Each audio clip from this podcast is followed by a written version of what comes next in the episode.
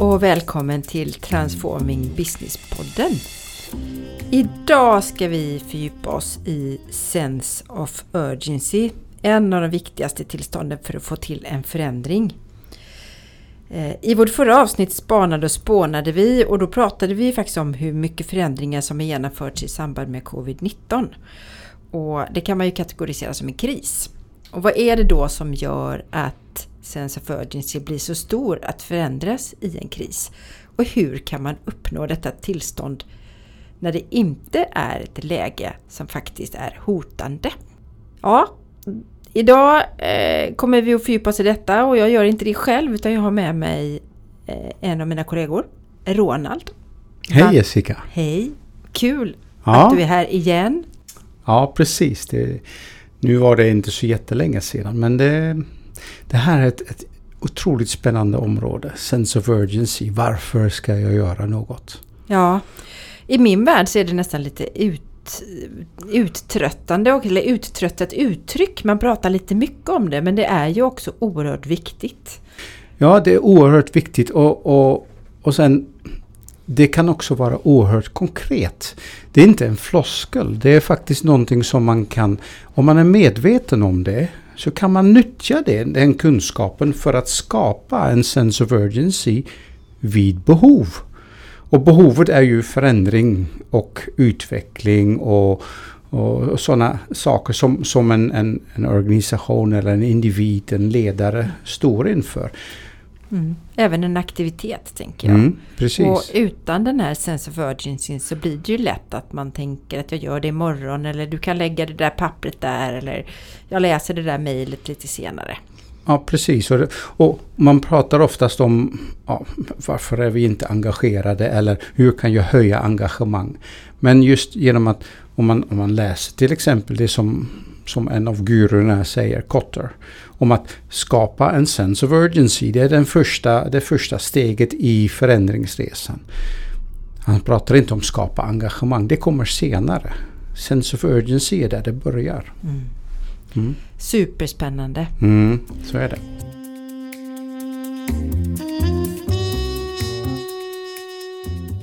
Bra, men du, vad är det som driver Sense of Urgency idag? Och finns det människor som, som inte känner någon Sense of Urgency? Jag brukar kalla det sådana här no-nos. Mm. Vad tror du? Alla har ju någon form av upplevelse kring Sense of Urgency. Det är inte så att, att, att vi pratar om okänsliga människor. Alla har sina triggers. Och ibland är de intellektuella. Helt, helt rationella triggers. I form av att man, man känner att det här måste göras. Som att till exempel städa hemma. Då blir det ohälsosamt. Är det en sense of urgency? Jag tycker det. Är det en, en, en positiv drivkraft?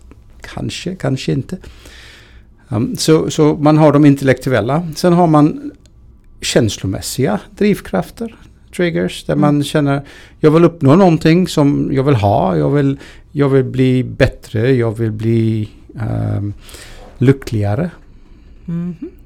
Och sen har man också lite grann drivkrafter, triggers, som, som är kopplade till sin omvärld. Till exempel mer affärsmässiga drivkrafter. Jag vill bli bättre än vad heter det, konkurrenterna. Just det. Mm. Och de triggers är otroligt viktiga att förstå. Mm. Så tre olika triggers egentligen då? Mm. Mm, som är på individnivå givetvis. Ja, men även på, även på gruppnivå. Mm. Men om man då tittar på det här, för det, det är väldigt spännande exempel som du för med här. Mm. Därför att sense of urgency är kopplat till exempelvis städning. Mm. Den är väldigt varierad. Och det finns ja. ju faktiskt de som, som tycker att de har en sense of urgency för, för ja, just städning. Och sen så kommer någon annan som har en helt annan typ av sense of urgency för det. Och tycker mm. att den första parten inte alls har. Mm. Det där är ju en av grunderna faktiskt för eh, konflikt i ett vanligt hushåll. Ja, det, det, det är det. Och, och då kommer man in på, på det som, som, som är kopplat till det här intellektuella drivet. Det är att du har ditt intellektuella driv, jag har mitt. Och hur, hur kan vi kalibrera det? Hur kan vi um, komma överens om vad är vår gemensamma? Um, är vi, kommunicerar vi rätt om det? Övertygar vi varandra om att ja men vänta lite, du, du har dina argument, jag har mina argument. Väldigt rationella fortfarande. Där jag kan förhålla mig till, till, till dina um, förklaringar och, och dina prioriteringar. Samtidigt som man oftast blandar in känslor och ibland icke, icke definierade ambitioner. När man har önskemål som man inte är så tydliga med. Mm. Jag vill gärna att uh, det ser fint ut. Jag vill gärna att det, det passar min smak. Men kommer vi inte in och tangera någonting så som värderingar i det fallet då? Jag mm. värderar olika saker. Ja. Eh, vad du kanske värderar. Och då har jag en sense of urgency för någonting utefter mina värderingar. Som du inte riktigt har det för du värderar istället att putsa på din bil istället för att städa. Ja. Och jag bryr mig inte ett dugg om din bil. Nej, det, och, och, det är helt okej okay att du inte gör det. men, men, men, men nu när du lägger in värderingar så hävdar jag att de flesta människor har inte, har inte en sån tydlig bild om sina egna värderingar. Och om de inte har det så har de inte heller en sån, kanske en sån jättebra bild om, om andra människors värderingar eller om de gemensamma värderingar.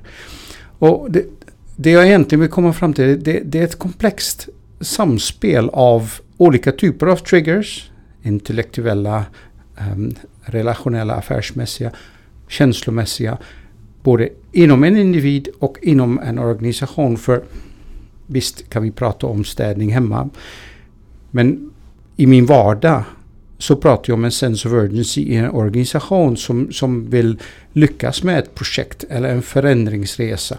Mm. Och då är det helt plötsligt de här 50 pers i den organisationen som ska övertygas om att det där är vad vi vill uppnå med varandra.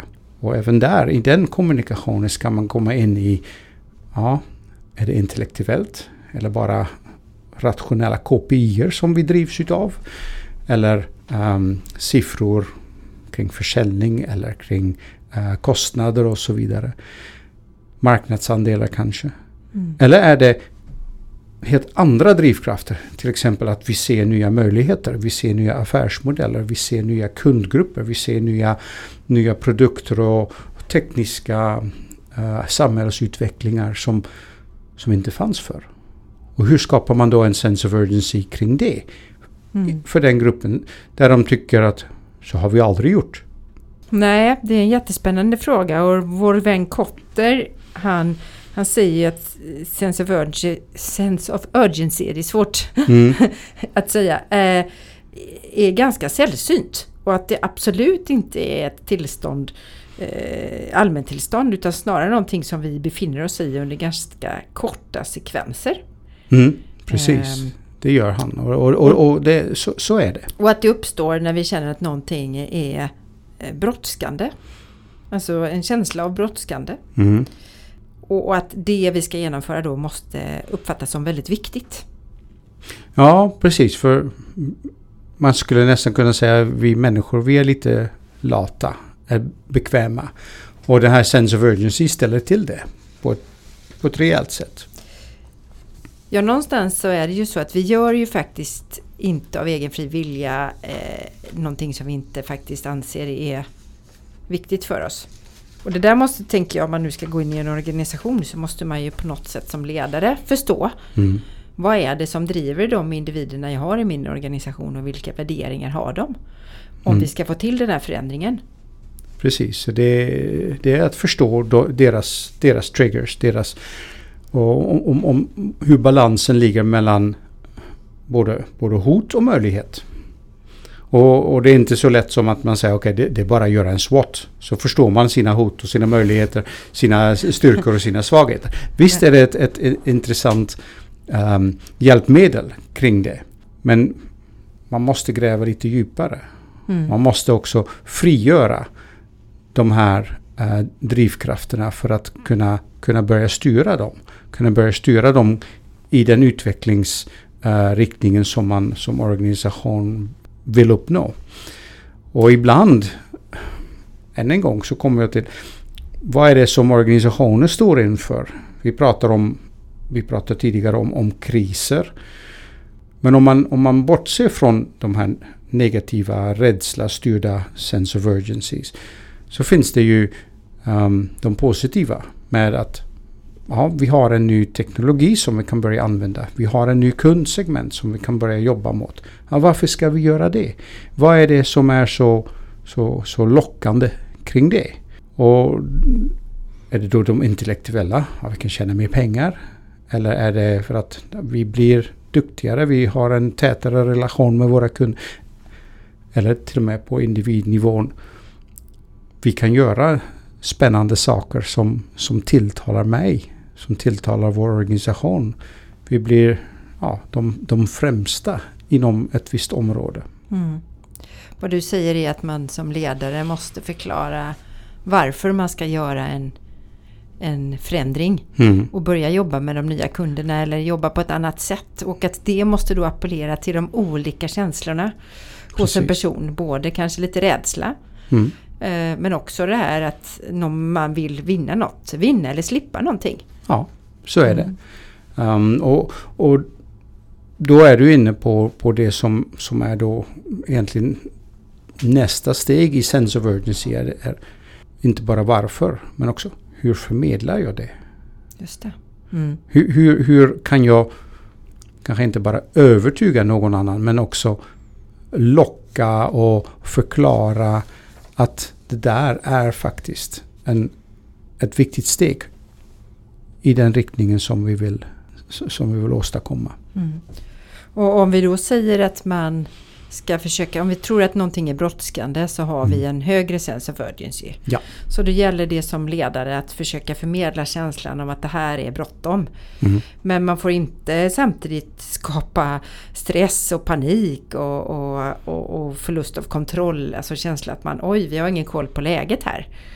Så det gäller att balansera det här tänker jag som ledare. Så mm. att, att man visar både med det man säger och hur man säger det. Att det här är, är viktigt för oss. Mm. Men samtidigt behålla liksom lugnet i organisationen. För en stressad person eller en, en person i panik känner troligen inte samma typ av sense of urgency eh, för de sakerna som jag vill åstadkomma. Då kanske man Precis. vrider sin sense of urgency åt ett helt annat håll mm. och, och går på flykt. Precis. Och, och det, det, är precis den balansen som man måste hitta. Inte bara i, i sig själv som ledare men också i organisationen hos, hos de individerna som, som organisationen består utav. Och en viktig aspekt i det är att man kan um, förtydliga varför. Att man kan skapa en, en slags um, känsla av kontroll och förutsebarhet kring att det målet som vi som vi jobbar mot, som, som är orsaken till sense of urgency, det är faktiskt nåbar. Det är inte, vi är inte uppgivna. Vi, vi ser faktiskt att genom att kanalisera, dirigera, styra våra insatser, våra gemensamma insatser, mot det målet så lyckas vi med det. Mm. Och den typen av kontroll behöver egentligen alla människor få. Inte att de själv kontrollerar allt, men att de känner att det här är kontrollerbart. Det här är förutsebart. Just det. Jag tror att det handlar om mål givetvis, men jag tror också att det handlar väldigt mycket om att måla en vision. För jag tänker att målen är flera stycken på vägen. Mm. Men att mm. visionen mm. är det som man strävar efter. Precis. Det är dit vi har en sense of urgency för att nå det här långsiktiga.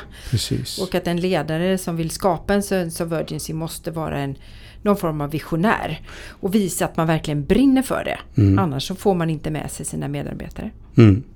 Sen tänker jag också om jag var ledare och ska genomföra en förändring så skulle jag hitta mina viktigaste stakeholders och få med dem på tåget för att på något sätt sprida mitt budskap genom de här personerna.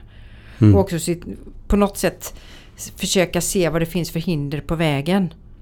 Så att man på något sätt överbrygger dem eh, innan min grupp ser dem. Jo, precis. Det, det, det är ett samspel mellan um, den här, um, den, den, här hur ska jag säga, styrande gruppen eller Guiding Coalition som, som Kotter pratar om. Både för att egentligen förankra sin egen, sin egen sense of urgency med flera i organisationen. Men också för att öppna upp till den, den tvåvägs eller till och med nätverkskommunikation som Mm. finns. En korsbefruktning, en, en återkoppling av ehm, åsikter kring sense of urgency så att man kan anpassa både sitt budskap och kanske även sina mål kring det som organisationen förmår. Än, än en gång tillbaka till kan vi förutse hur vi når dit? Mm. Och det är, en, det är en väldigt viktig aspekt, särskilt när man, när man vill undvika de här panikartade insatser. Att man verkligen skapar en bild på det där, där vill vi vara utifrån de här förutsättningarna. Och det finns en, en, en tydlig väg framåt. Den inger hopp, den inger uh, betydelse.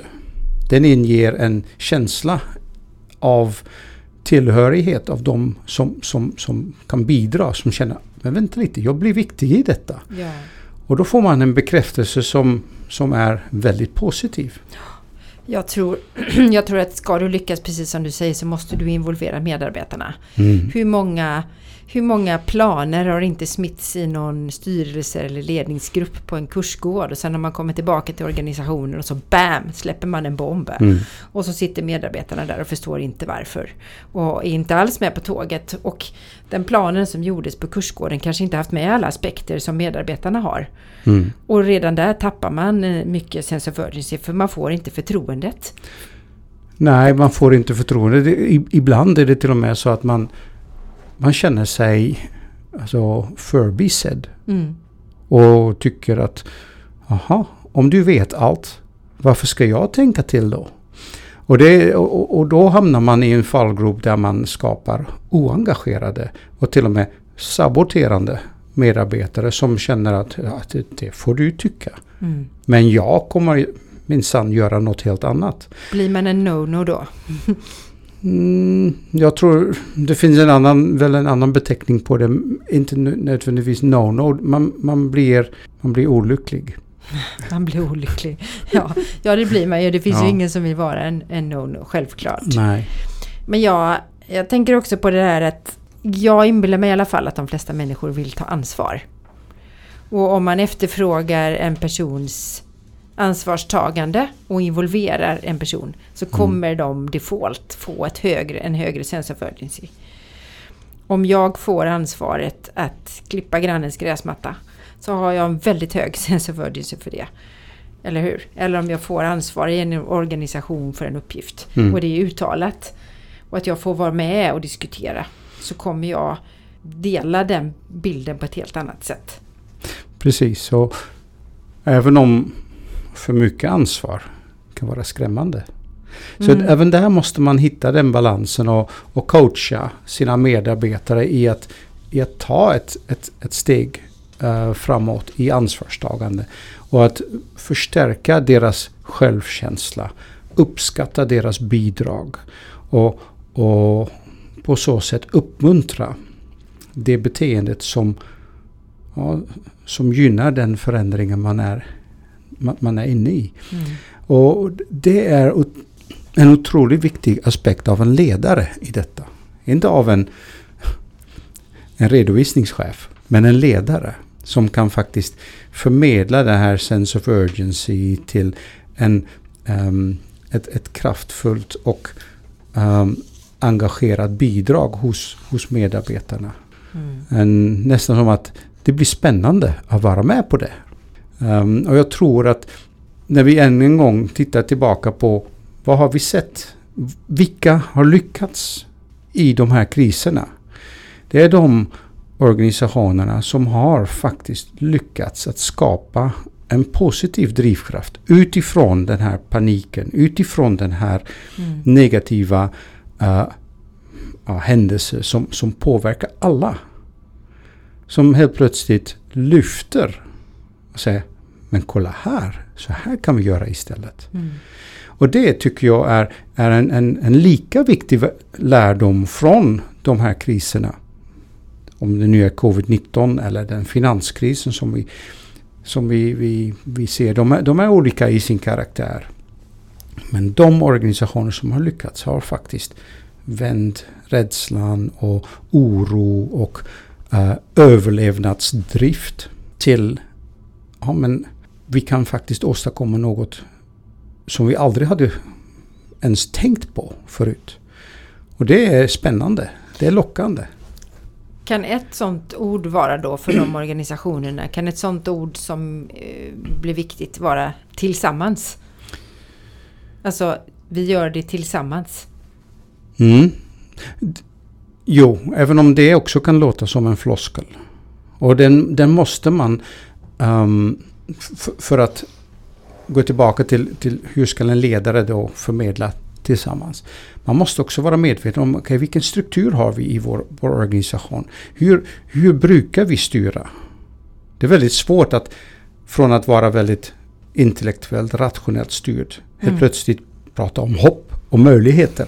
Det, det är en jättestort mm. steg. Mm. Har man däremot en, en organisation som är, som är lite mindre hierarkisk, som har, som har redan delat ut en del mandat och frihet till, till teams, till organisationsdelar som, som kan vara lite mer självstyrande.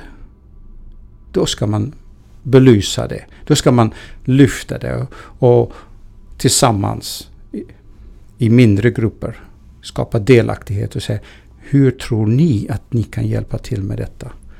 Det här är en sense of urgency, delvis negativ, delvis positiv. Hur kan ni bidra? Istället för att sitta i den här konferenssalen. Mm.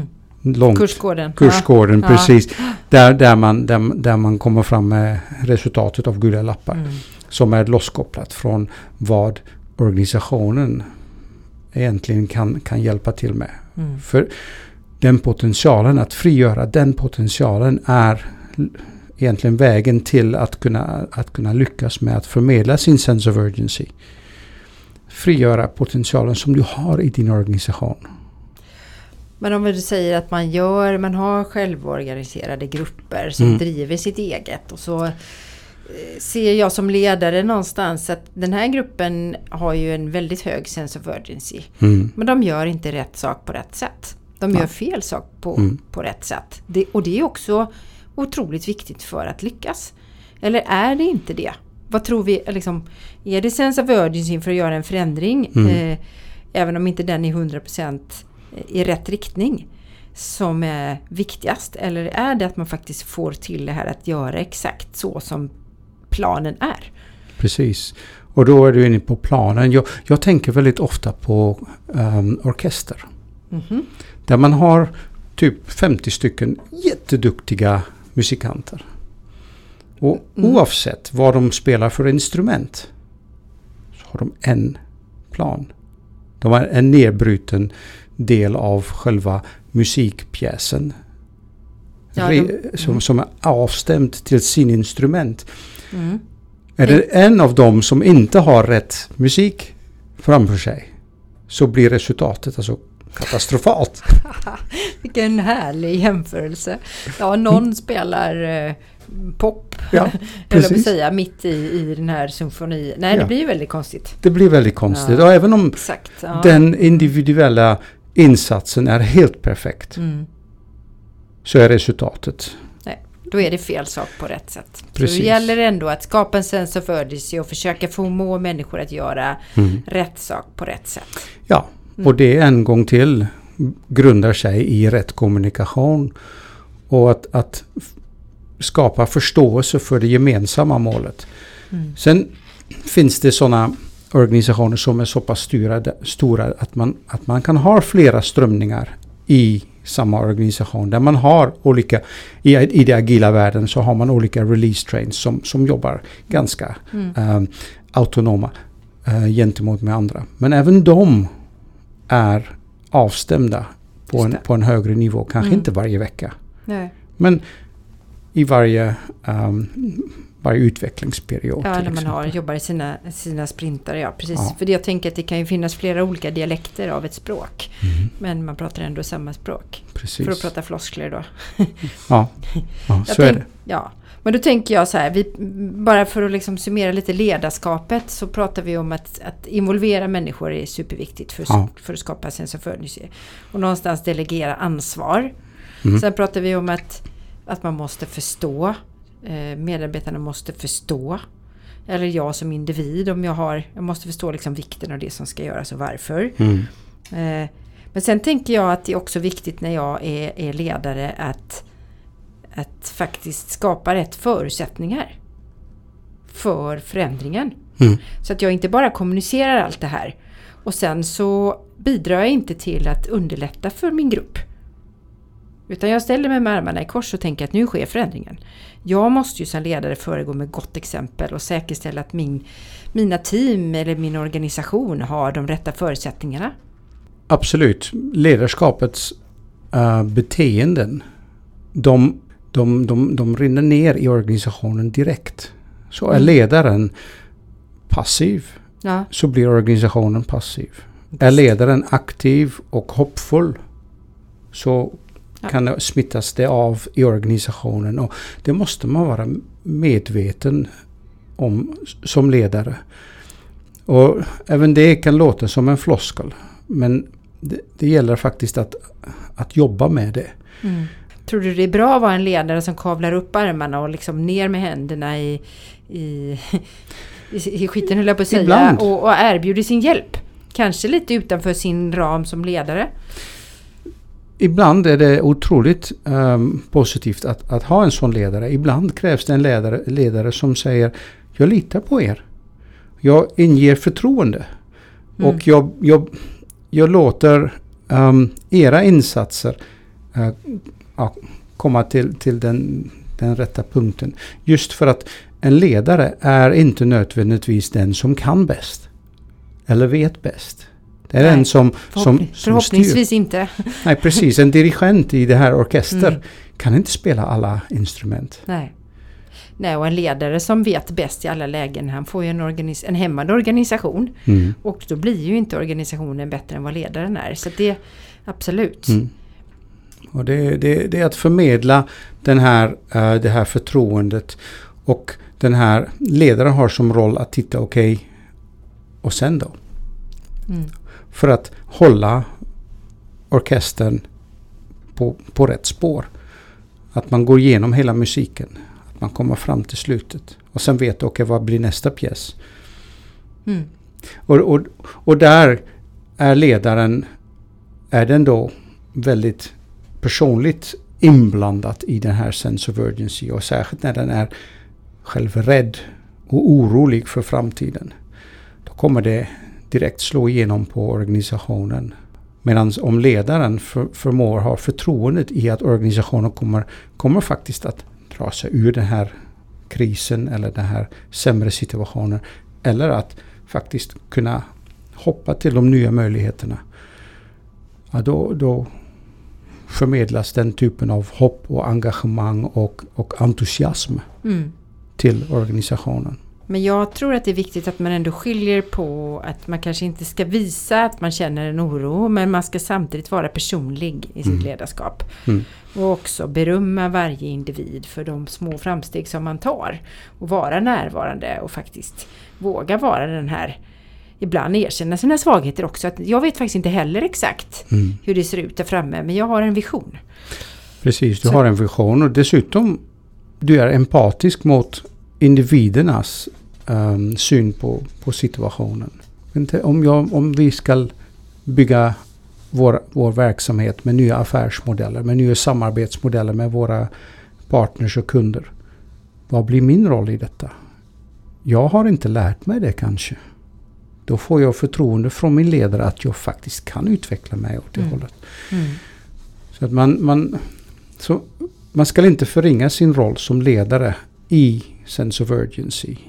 Om man ska dra någon slutsats så kan man väl ändå dra en slutsats att för organisationens sense of urgency så måste man ha en ledare som, som faktiskt gör rätt sak på rätt sätt och som är visionär. Och Mm. som involverar medarbetarna och som bjuder lite på sig själv. eh, Kan förklara varför en förändring ska till så man förstår att det är, alltså, och förmedla också den här att det är brådskande. Vi kan inte göra det imorgon. kan inte gå på semester nu och så kommer vi tillbaka i september och så ja, tar vi det där och då. Utan man måste liksom förmedla den här bilden så att alla känner att ja, men det här är superviktigt. Och varför Mm. det är så viktigt. Mm. Så ledaren i en organisation för att skapa det här är ju supercentral. Det är det Mm. jag vill säga. Precis. Och det, det, det, är en, det är en jättebra slutsats. Mm. Mm. Vad ska vi dra mer för slutsatser då? För jag tänker att det är dags att börja runda av. Eh, vi hade några olika delar som vi pratade om var väldigt viktigt för Sense of Urgency. Det var ju framförallt våra drivkrafter och Ja. våra värderingar. eh, för det är ju det som driver oss själva. Ja. Eh, vad sa vi mer var viktigt? Ehm, det som är viktigt är för, för, för en, är, är ledarskapet och ledarskapets eh, förståelse för sin roll Mm. i att förmedla, kommunicera, förtydliga sense of urgency Mm. och ehm, styra organisationen i den riktningen tillsammans med organisationens förutsättningar. Just det. Mm.